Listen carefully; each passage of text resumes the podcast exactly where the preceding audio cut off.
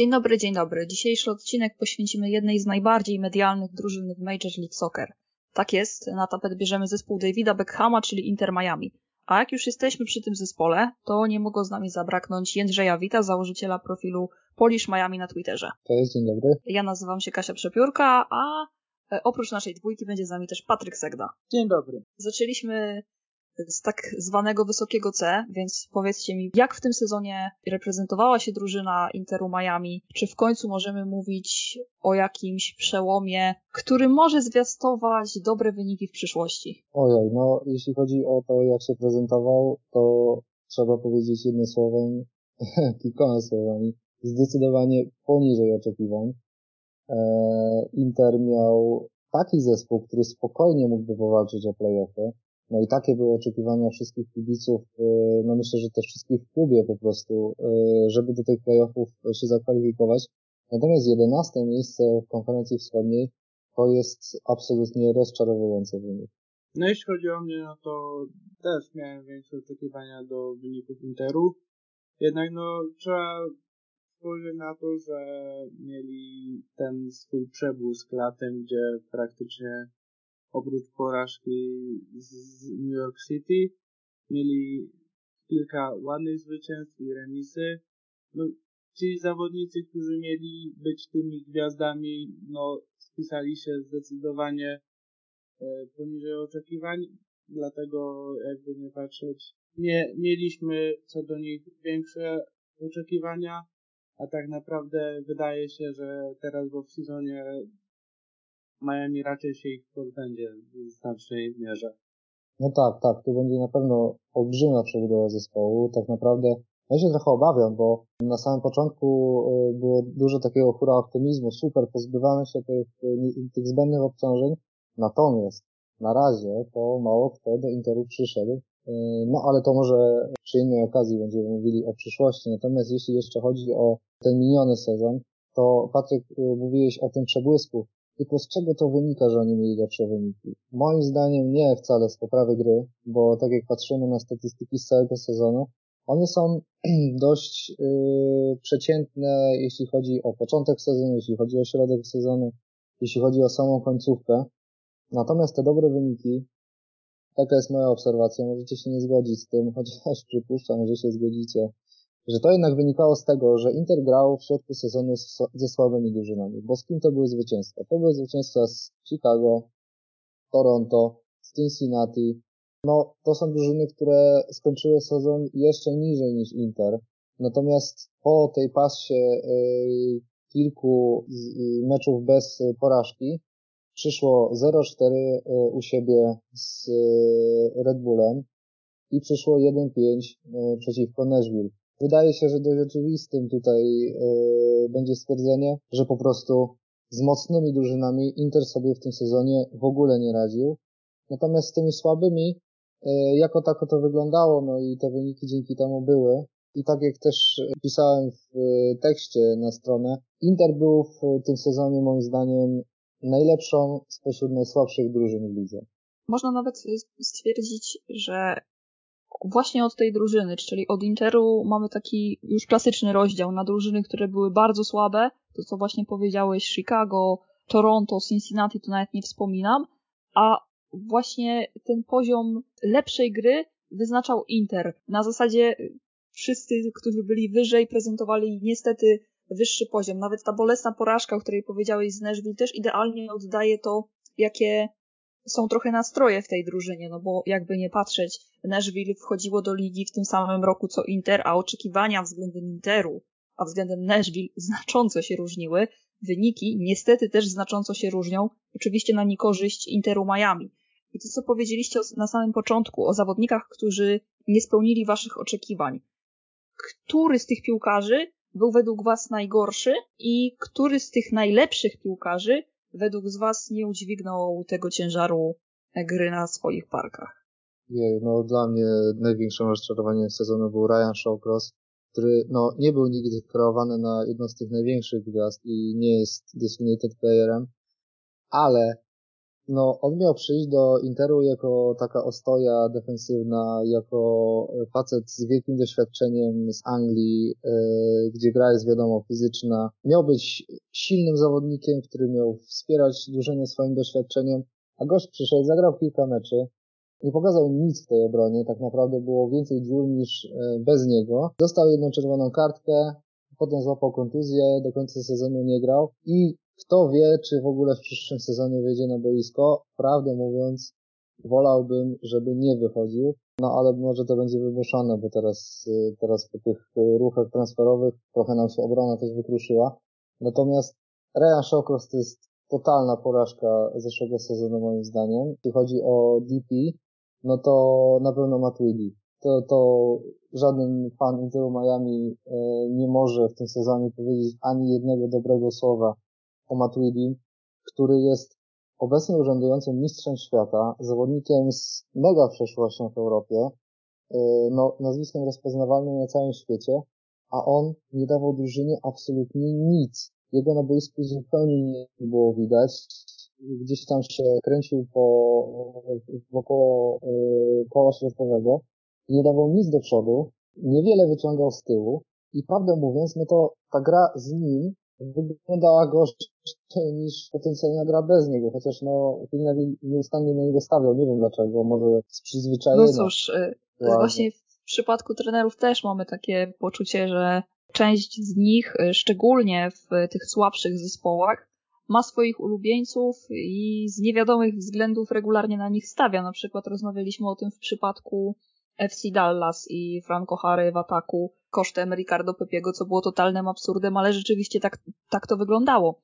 Przypomnijmy, że w pierwszym sezonie szkoleniowcem Interu Miami był Diego Alonso, a właśnie jego pozycję zajął Phil Neville. Jakim szkoleniowcem jest według Ciebie mm, ten trener i czy on czy miał jakikolwiek wpływ tak w zasadzie na, na postępy i drużynę Interu? Daniel Pilnowi uczy się trenerskiego rzemiosła dopiero i on jest takim trenerem, który niespecjalnie lubi zmieniać zdanie, jeśli chodzi o taktykę, bo Inter grał w tym sezonie y, zasadniczo na dwa sposoby, albo ustawieniem 4-2-3-1, albo 3-4-2-1. Natomiast obydwa te ustawienia y, zakładały grę szeroko, grę skrzydłami, albo zostawała dwójka w środku i boczni obrońcy wychodzili, albo ta trójka obrońców y, zamieniała się w obronie w pięciu, no i mieliśmy dwóch wahadłowych, którzy y, podchodzili do przodu i te akcje spróbowali. Natomiast wydaje mi się, że nie mieliśmy zawodników tego typu, którzy pasowali do gry skrzydłami.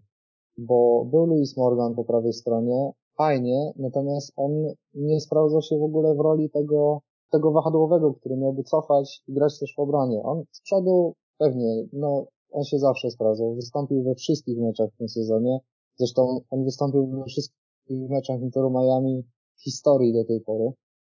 No, ale po lewej stronie mieliśmy e, Kierana Trippiera, który e, dopiero w lipcu dołączył do drużyny. Nie no, Trippiera to ja bym chciała mieć w MLS-ie. Oczywiście Chodzi o, chodzi o Kierana Gibbsa, który na początku wchodził z ławki, później zaczynał mecze, ale nie wytrzymywał 90 minut.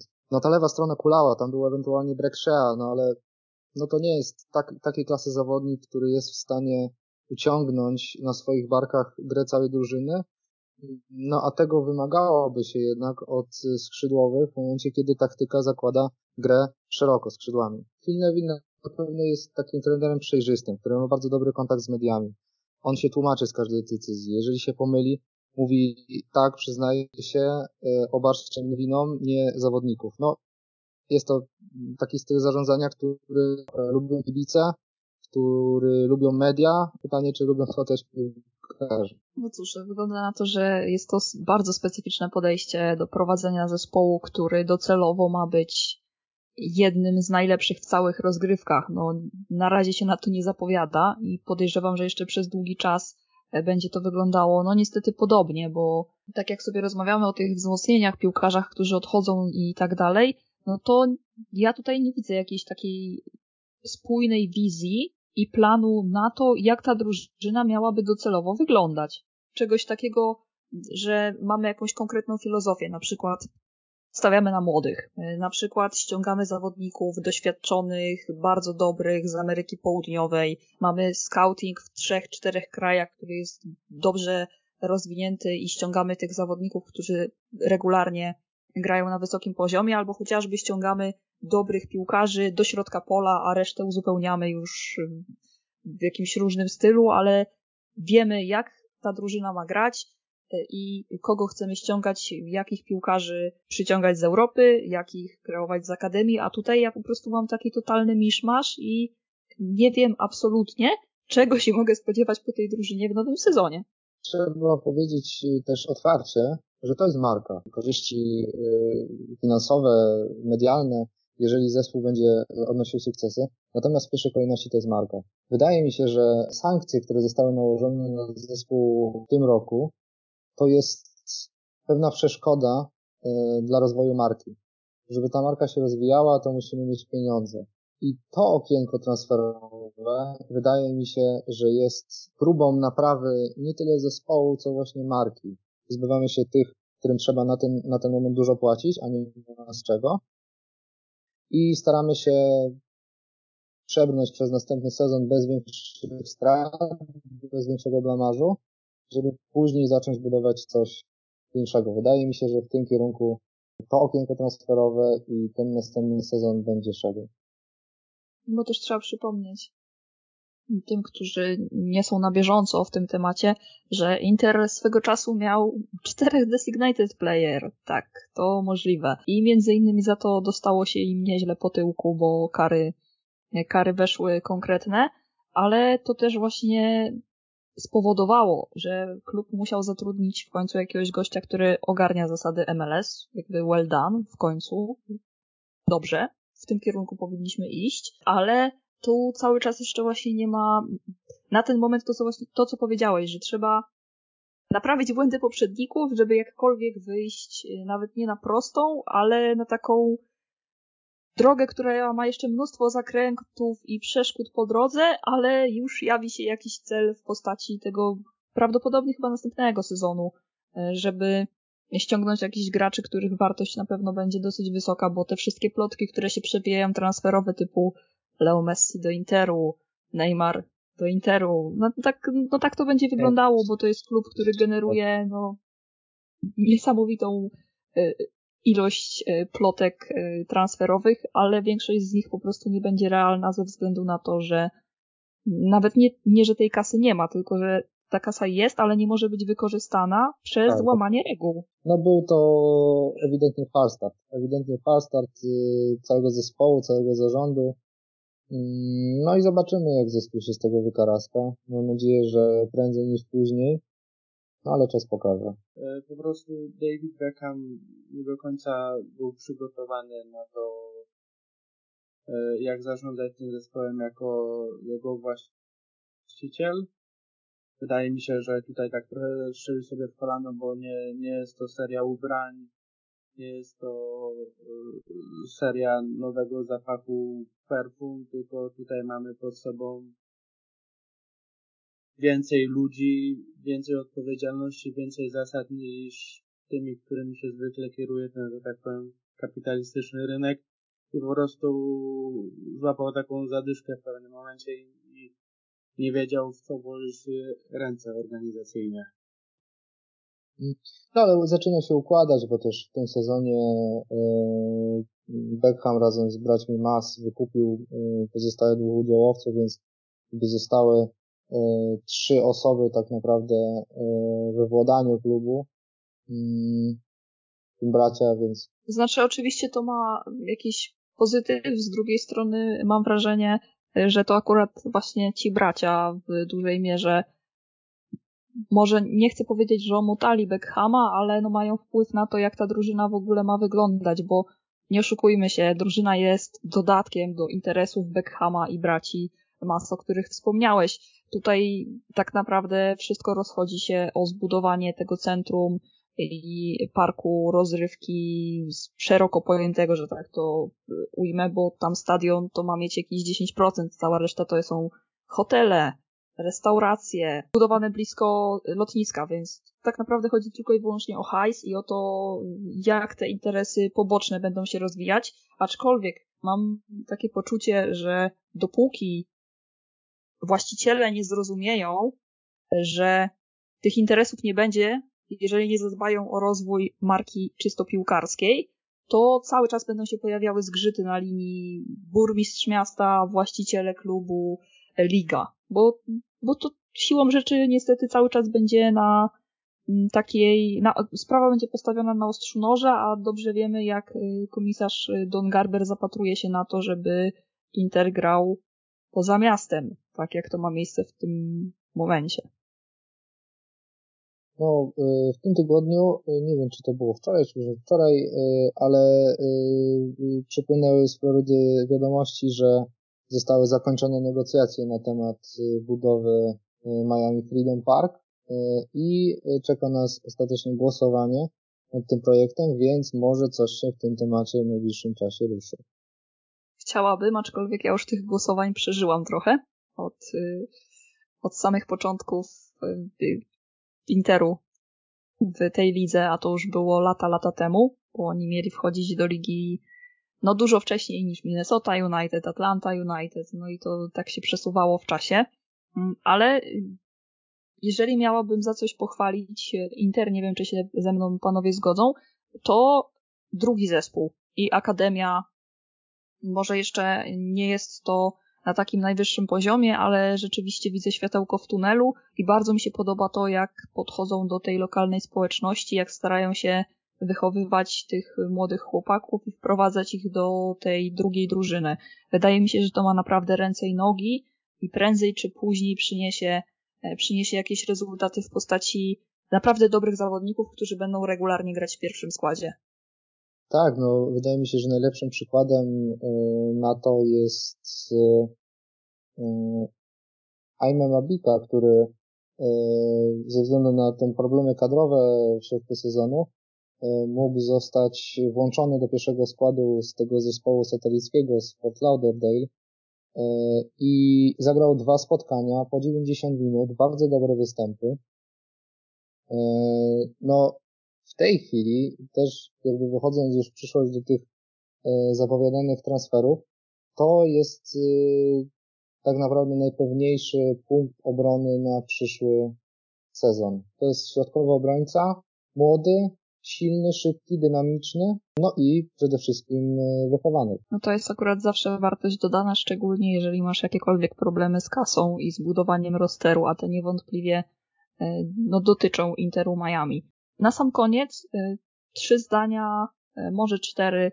Y, co według Ciebie Inter powinien zrobić w off-seasonie, żeby ten nadchodzące rozgrywki jawiły się w trochę bardziej kolorowych barwach? Podstawowa sprawa to nabyć klasowego prawego obrońcę, bo w tej chwili nie mamy żadnego, a jeszcze jak odszedł Louis Morgan, to nawet odpada ta opcja, żeby on się cofał jako wahadłowy, więc jakby pierwszy punkt kupić prawego obrońcę. Drugi punkt, który już jest tak do połowy e, wypełniony, to pozbyć się Matuidiego, który gdzieś tam już krążą plotki, że ma odejść do Francji. I po trzecie, no myślę, że kontynuować, kontynuować myśl Phila Neville'a, niech on się rozwija, niech on ma czas na to, żeby sobie tę drużynę poukładać. Broń Boże, nie zmieniać trenera, e, bo no to by było niedorzeczne. Trzeci trener w trzecim sezonie niech on próbuje, niech się stara, pomysły są, zespół powolutku się układa. No myślę, że ten sezon to będzie taki sezon przejściowy. przejściowy. Nie spodziewałbym się fajerwerków po tym zespole w przyszłym sezonie. Myślę, że playoffy to będzie taki naprawdę y, sufit, naprawdę sufit. Największe oczekiwania, jakie można mieć wobec tego zespołu. Oby było lepiej niż w sezonie, tak powiem. Jeżeli chcecie przeczytać troszkę więcej na temat tej drużyny i poprzedniego sezonu w wykonaniu Interu Miami, to serdecznie zapraszam na naszą stronę internetową, gdzie właśnie znajdziecie tekst Jędrzeja Wita, który tutaj w dużej mierze omówił Wam występy podopiecznych Phila Neville'a. Możecie też, a nawet powinniście, zajrzeć na jego profil na Twitterze Polish Miami i tam regularnie będziecie mieć dostarczane informacje na temat tej drużyny. Dziękuję bardzo za dzisiejszy udział w podcaście i mam nadzieję, że będziemy się słyszeć w niedługim czasie. Dziękuję z przyjemnością. Dziękuję również Patrykowi. Dziękuję. Słyszymy się już w następnym odcinku, gdzie będziemy sobie rozmawiać o kolejnych zespołach y, i podsumowywać ich występy w sezonie 2021. W niedługim czasie możecie się też spodziewać naszej wzmożonej obecności na Discordzie, ponieważ zbliża się Super Draft MLS i na tę okazję przygotujemy dla Was coś specjalnego.